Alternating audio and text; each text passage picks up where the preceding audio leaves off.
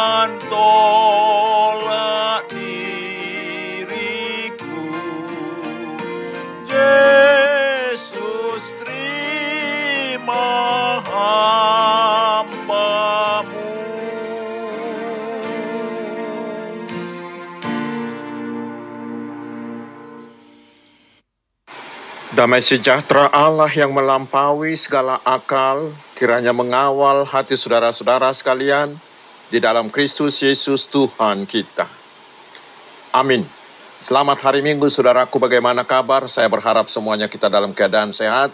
Dan hari ini kita akan menerima firman Tuhan untuk minggu kelima sesudah Trinitatis dengan tema mencintai hukum tau hukum Allah yang diambil dari surat Paulus ke jemaat Roma. Roma pasal 7 ayat 15 hingga ayat 25. Saya bacakan untuk kita, mari kita simak dengan baik. Sebab apa yang aku perbuat, aku tidak tahu. Karena bukan apa yang aku kehendaki yang aku perbuat. tetapi apa yang aku benci, itulah yang aku perbuat. Jadi jika aku perbuat apa yang tidak aku kehendaki, aku menyetujui bahwa hukum Taurat itu baik. Kalau demikian, bukan aku lagi yang memperbuatnya, tetapi dosa yang ada di dalam aku. Sebab aku tahu bahwa di dalam aku, yaitu di dalam aku sebagai manusia, tidak ada sesuatu yang baik. Sebab kehendak memang ada di dalam aku, tetapi bukan hal berbuat apa yang baik. Sebab bukan apa yang aku kehendaki, yaitu yang baik, yang aku perbuat. Melainkan apa yang tidak aku kehendaki, yaitu yang jahat yang aku perbuat. Jadi, jika aku berbuat apa yang tidak aku kehendaki, maka bukan lagi aku yang memperbuatnya, tetapi dosa yang diam di dalam aku. Demikianlah aku dapati hukum ini. Jika aku menghendaki berbuat apa yang baik, yang jahat itu ada padaku. Sebab di dalam batinku, aku suka akan hukum Allah. Tetapi di dalam anggota-anggota tubuhku, aku melihat hukum lain yang berjuang melawan hukum akal budiku dan membuat aku menjadi tawanan hukum dosa yang ada di dalam anggota-anggota tubuhku. Aku manusia celaka siapakah yang akan melepaskan aku dari tubuh maut ini? Syukur kepada Allah oleh Yesus Kristus Tuhan kita. Demikian firman Tuhan.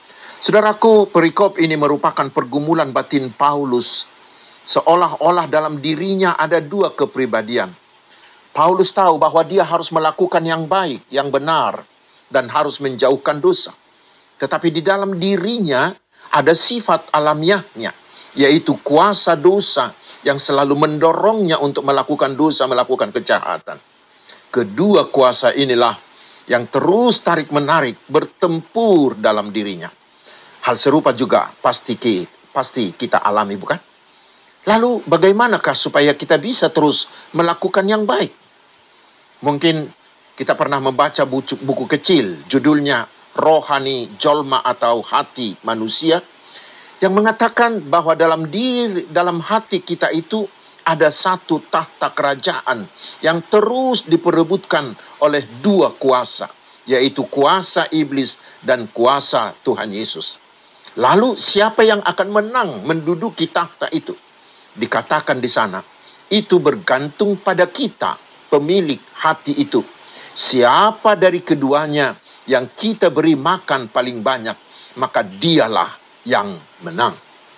Bila kita memberi makan lebih banyak bagi kuasa iblis, yaitu dengan melakukan kejahatan, maka kuasa iblis itulah yang akan semakin gemuk dan semakin kuat, sehingga dia akan mengalahkan kuasa yang satu lagi.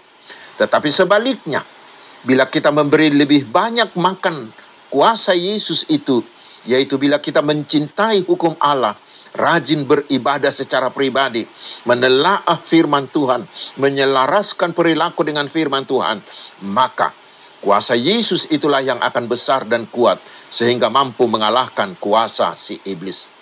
Dengan demikian, kita sudah tahu apa yang harus kita lakukan bila kita mengalami pergumulan rohani seperti itu, bukan? Datanglah dan andalkanlah kuasa Tuhan Yesus, mencintai firman Tuhan, sehingga kuasa daging itu akan semakin lemah dan kalah. Dan harus kita sadari, bila kita mengalami pergumulan rohani seperti Paulus ini, ingat saudaraku, itu bukanlah tanda kelemahan atau kekerdilan iman. Bukan. Justru bila kita mau mempergumulkan iman kita, di situlah iman kita terus bertumbuh dan semakin dewasa. Dan kita tahu hanya orang percaya yang memiliki iman yang dewasalah yang layak menerima warisan dari Allah, yaitu hidup kekal. Selamat bergumul dalam iman menuju kedewasaan. Amin. Mari kita berdoa. Ya Tuhan Yesus yang mengasihi kami, bentuklah kami menjadi orang yang sungguh-sungguh mengasihimu dengan mencintai hukummu dan mengasihi sesama kami. Tuhan memberkati engkau dan melindungi engkau. Tuhan menyenari engkau dengan wajahnya dan memberi engkau kasih karunia. Tuhan menghadapkan wajahnya kepadamu dan memberi engkau damai sejahtera. Amin. Selamat hari Minggu, saudaraku. Tuhan Yesus memberkati kita.